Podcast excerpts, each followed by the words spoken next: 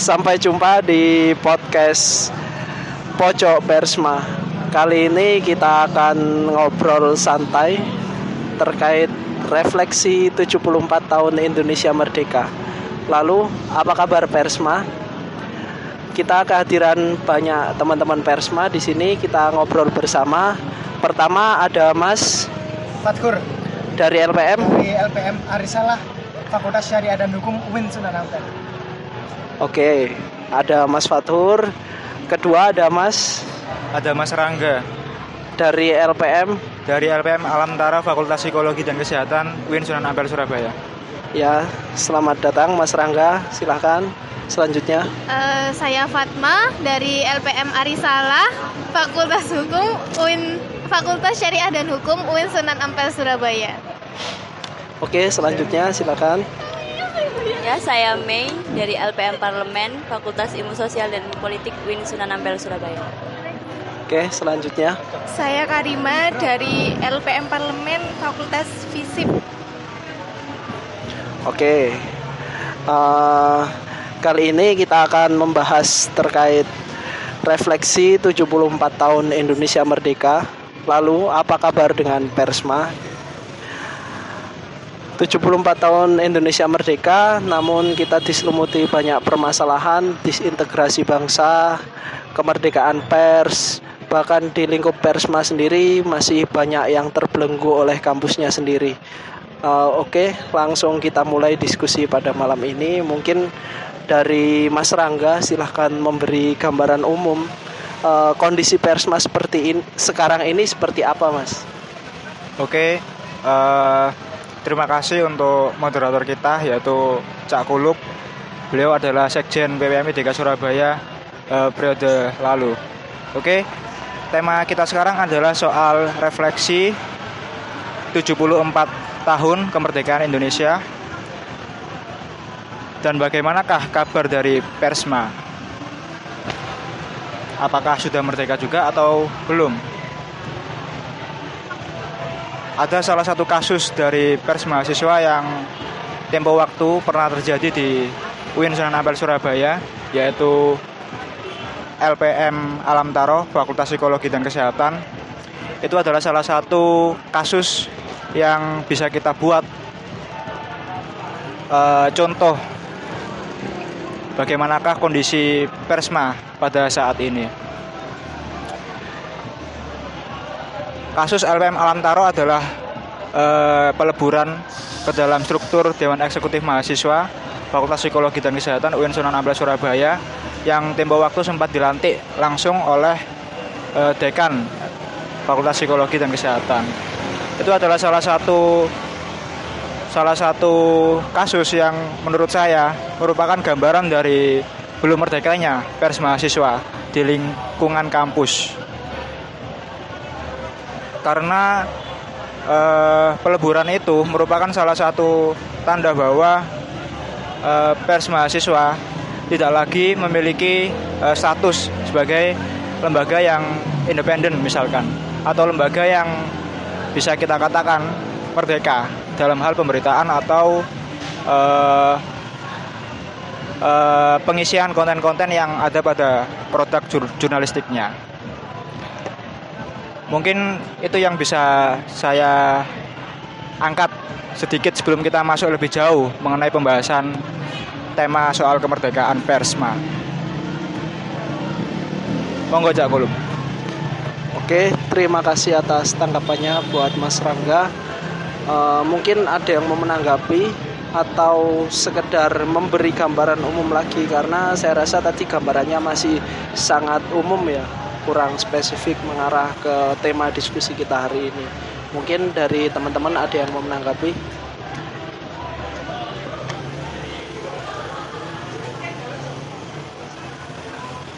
Eh, mungkin saya mau menanggapi sedikit.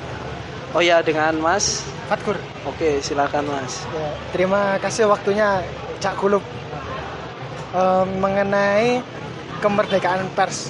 Eh, kalau menurut saya sih eh, kemerdekaan ini bisa dari dua sudut pandang. Jadi dari ekstra maupun intra. Eh, mungkin secara ekstra sudah digambarkan eh, dari Cak Rangga tadi uh, beberapa kejadian di pers mahasiswa uh, mulai ditutup atau dikerucutkan oleh pihak birokrasi. Uh, tapi yang mau saya soroti di sini dari uh, intra. Jadi dalam persma sendiri uh, saya menyebutnya apa ya jurnalis atau uh, kader ataupun anggotanya sendiri terkadang uh, mementaskan diri atau menyelamatkan diri dari dari keterkungkungan itu juga masih belum. Dalam artian e, ketika dia terjun menjadi seorang jurnalis jurnalis pers mahasiswa lebih tepatnya itu masih kurang. Dalam artian e, masih banyak masih menunggu banyak yang menunggu tuntutan dari senior jadi bingung mau har, harus apa yang akan dilakukan ketika menjadi seorang jurnalis. Jadi merdeka dari sendiri saja masih belum. Akhirnya kesempatan itu diambil oleh beberapa pihak, birokrasi maupun angkatan yang uh, organisasinya lebih tinggi untuk diperalat. Mungkin untuk itu itu saja sih. Terima kasih. Oke, terima kasih atas tanggapannya menarik sekali ya bagaimana kita mencoba mendefinisikan ulang makna dari sebuah kemerdekaan itu sendiri dan kita implementasikan pada diri kita yang ternyata kita sendiri juga masih belum merasakan atau menerapkan kemerdekaan itu pada diri kita maupun lembaga kita sebagai lembaga pers mahasiswa. Oke, mungkin ada yang mau menanggapi lagi.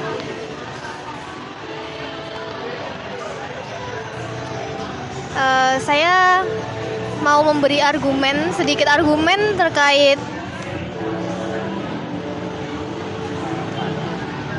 saya mau memberi argumen terkait uh, apa yang dituturkan tadi terkait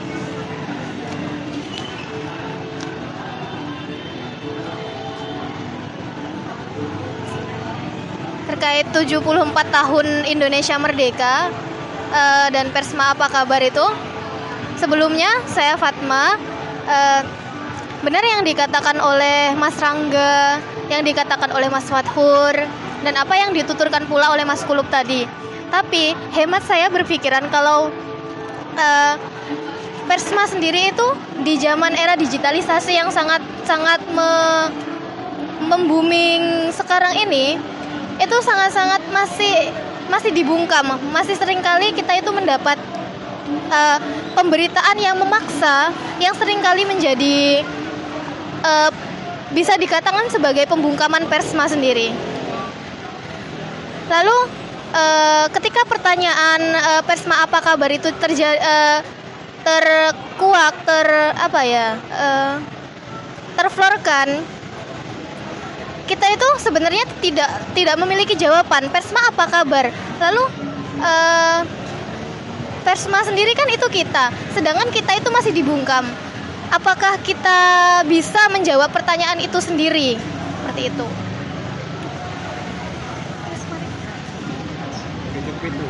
Ya, mungkin cukup itu yang saya mungkin cukup itu argumen dari saya. Ya, terima kasih kepada Fatma.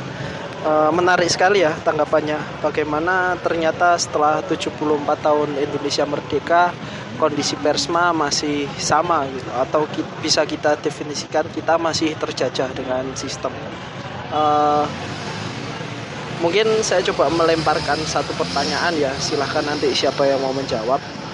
Uh, bicara kemerdekaan persma saya rasa yang menjadi masalah adalah problem di internal persma itu sendiri gitu karena kita kadang bicara muluk-muluk jauh sekali terkait kebebasan pers, kebebasan persma dan lain-lain. Tapi kita tidak bertanya, tidak pernah bertanya pada diri kita sendiri, mampukah kita mengangkat satu isu, kemudian apakah isu yang kita angkat akan direspon banyak orang gitu. Kita tidak pernah berpikir seperti itu. Kita hanya berpikir sistemik tapi tidak pernah berpikir apakah kita sudah melakukan, apakah yang sudah dilakukan kita lakukan itu sudah seyogianya dan diskusi kita malam ini akan relevan ketika kita memang sudah melakukan itu semua. Nah, mungkin dari teman-teman hari ini mau menanggapi silahkan. Eh, ya, saya mau menanggapi. Saya Mei dari LPM Parlemen. Eh, menurut saya pribadi sih memang eh, salah satu penyakitnya itu dari kita sendiri ya. Kitanya tuh males biasanya itu. Eh, disuruh mencari berita-berita yang cukup baik itu kadang itu males. Liputan males. Mau diskusi males. Apa-apa males. Jadinya tuh eh, tidak menghasilkan sebuah karya gitu, sebuah berita atau liputan. Jadi apa ya? Kembali lagi kepada diri kita sendiri gitu. Kita itu sering membatasi diri kita sendiri dan sering tidak berkaca diri tentang hal itu. Ya mungkin seperti itu. Terima kasih.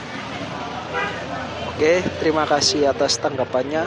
Eh, berarti secara nggak langsung mengafirmasi eh, apa yang saya ungkapkan tadi ya. Eh, apakah dari teman-teman semua ada yang mau menanggapi terkait narasi itu tadi? Silahkan.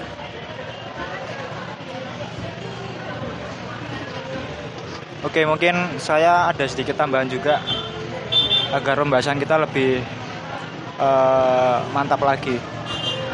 Eh, selain kasus yang pernah terjadi sebelumnya yaitu di LPM Alam Taro, kita juga akan menemui banyak sekali kasus-kasus yang serupa yang bisa kita katakan membuat pers mahasiswa itu tidak merdeka atau belum merdeka.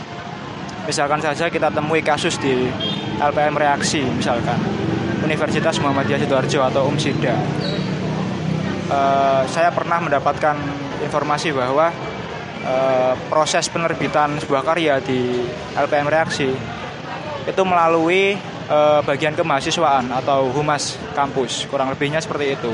Jadi setiap kali teman-teman selesai liputan hasil tulisan dari teman-teman itu disetorkan dulu ke kepegawaian atau pihak kemahasiswaan atau lebih tepatnya humas kampus untuk diseleksi apakah konten itu layak untuk diterbitkan atau dipublis ke ke media portal berita atau ada beberapa hal yang perlu direvisi atau justru konten-konten yang diangkat oleh LPM Reaksi sama sekali tidak diperbolehkan untuk tayang dan dibaca oleh publik. Selain itu, saya juga pernah mendapatkan informasi dari teman-teman LPM Gema UNESA atau Universitas Negeri Surabaya misalkan. Itu kita semua sudah tahu bahwa eh, struktur organisasi di LPM Gema UNESA dipimpin oleh eh, PU dosen. Dan untuk struktur pemret ke bawahnya itu diisi oleh eh, mahasiswa. Mungkin Hati-hati Pak, hati-hati kena sensor. Bawa Ya, nama-nama Unesa. Eh, mungkin itu salah satu salah satu contoh juga bahwa eh, kondisi pers mahasiswa kita sekarang masih belum merdeka. Terus selain itu eh, banyak lagi kasus-kasus misalkan yang kontemporer LPM Suara Usu eh, mengenai cerpen dan beberapa kebijakan dari rektorat yang sangat-sangat tidak sesuai dengan idealnya pemimpin.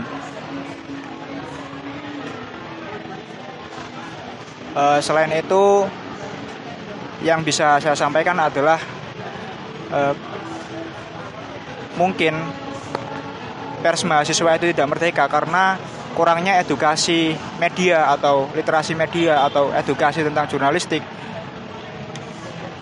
yang dimiliki oleh orang-orang birokrasi kampus misalkan. Karena banyak sekali atau tidak sedikit kita temui pihak-pihak birokrasi kampus itu sangat sangat memiliki kesenjangan pengetahuan tentang pers mahasiswa atau berbeda pendapat banyak dengan teman-teman mahasiswa yang aktif di lembaga pers mahasiswa. Sehingga banyak sekali gesekan atau perbedaan pendapat. Mungkin itu Oke, menarik ya tanggapan Mas Nang, Mas Rangga terkait sensor terhadap persma. Nah, eh, sebenarnya pendapat teman-teman ini seperti apa terkait sensor persma? Karena di satu sisi dilema juga gitu. Bicara persma, kita tidak ada lembaga yang menaungi, yang menaungi adalah kampus.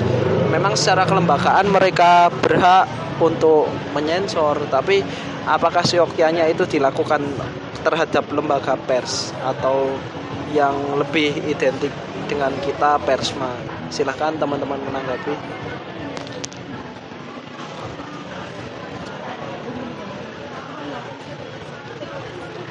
Gimana ini? Saya sendiri yang menanggapi. Oke, pertanyaannya apa tadi bisa diulangi? Cak, Cak Kulub.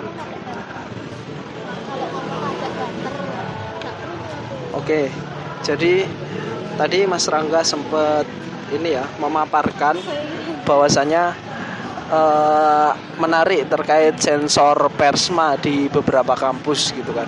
Nah, kalau kita bicara hukum atau lembaga yang menaungi, memang kampus adalah lembaga yang menaungi persma gitu.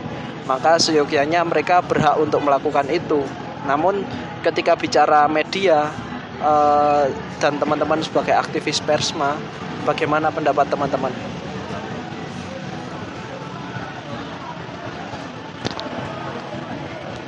Oke, eh, saya mau menanggapi sedikit di sini. Sebenarnya eh, mungkin kita juga harus memiliki sudut pandang dari pihak birokrat kampus sendiri. Eh, terkait eh, Persma, Persma sendiri itu eh, mendapat pendanaan kalau sekarang itu dari pihak kampus kan.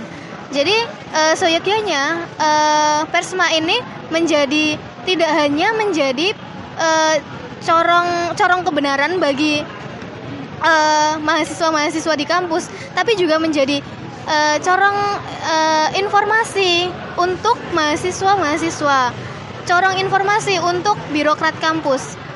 Jadi tidak kalau misalnya eh, terdapat kasus-kasus seperti yang disebutkan tadi oleh Mas Rangga, sebenarnya saya di sisi lain berpikiran birokrat kampus ini tidak bermaksud seperti itu mungkin, tapi eh, cara-cara yang mereka gunakan itu masih cara-cara lama, cara-cara jadul dengan pemberedelan, dengan eh, pembekuan seperti itu. Tidak seharusnya mereka berpikir menggunakan cara-cara lama karena yang mereka hadapi itu anak-anak eh, mahasiswa yang notabene eh, hidup di era sekarang yang eh, komunikasi serba, serba mudah.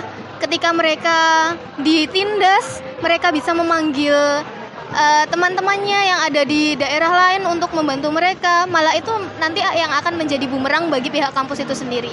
Mungkin itu saja. Eh, boleh saya menambahi? Oke, silahkan. Terima kasih waktunya. Eh, sedikit menambahi sih eh, dari sudut, sudut pandang birokrasi juga eh, gini. Eh, kebanyakan dari universitas itu eh, pertama lebih mementingkan akreditasi. Jadi eh, gini ya, mulai dari struktural organisasi, setiap organisasi pasti punya humas. Jadi sama dengan birokrasi pasti punya humas. Lah, humas inilah akhirnya akhirnya mungkin menjadi eh, beberapa pertimbangan kenapa beberapa pers di di kengkang atau bahkan dilenyapkan. Eh, yang kedua eh, akreditasi. Jadi ketika pers memberitakan sesuatu yang baik, eh, pihak birokrasi mungkin dia bangga atau bahkan banyak yang oh ya apa-apa sih masih bagus. Tapi ada beberapa ketika eh, persma ini mengkritisi eh, pandangan dari birokrasi ini malah, "Loh, kalau bisa krit, eh, jangan mengkritisi nanti nama kampus kita jadi jelek. Kan jadi nggak bisa naik pangkat gaji nggak bisa naik jangan-jangan seperti itu. Ya mungkin itu aja sih Eh, saya ingin sedikit menambahkan ya, eh, berbicara mengenai pemberedelan, penyensoran, bahkan sampai pembubaran pers mahasiswa. Eh, di situ mungkin eh, mungkin kita lebih eh, tepatnya membahas tentang aspek perlindungan hukum terhadapnya ya. Jadi saya rasa begini, perlu membedakan secara tegas antara pers mahasiswa dan humas kampus. Kita untuk pers mahasiswa kita mem- memiliki suatu kebebasan yang dilindungi secara konstitusional yang mana kita dilindungi berdasarkan UU nomor 40 tahun 99 tentang kebebasan pers. Nah, tapi kembali kita ke berbentuk eh, kita kembali ke masalah badan hukum dari Persma itu sendiri yang menyangkut perlindungan hukum di dalamnya. Sebagaimana kita ketahui, pers mahasiswa ini masih belum masih bisa dikatakan gamang mengenai badan dia entah berbentuk badan hukum pun tidak dilindungi secara undang-undang pun saya rasa juga kurang ada proteksi di dalamnya. Oh, jadi saya rasa yang kita butuhkan saat ini adalah menet, em, menentukan dengan jelas arah pers mahasiswa itu seperti apa. Apakah dia berbentuk badan hukumkah atau sekedar organisasi di bawah naungan kampus. Nah, kalau kita berbicara tentang dunia pers, seyogianya itu sudah masuk ke dalam ranah eh, pers bagaimana umumnya, yang mana kita dilindungi seperangkat undang-undang yang mana uh, hal tersebut seyogyanya kita memiliki suatu kebebasan untuk memperjuangkan idealisme kita seperti itu. Jadi yang kita perlukan di sini kita harus uh, menentukan dengan jelas bahwasanya pers mahasiswa itu harus layak untuk sudah berbentuk badan hukum.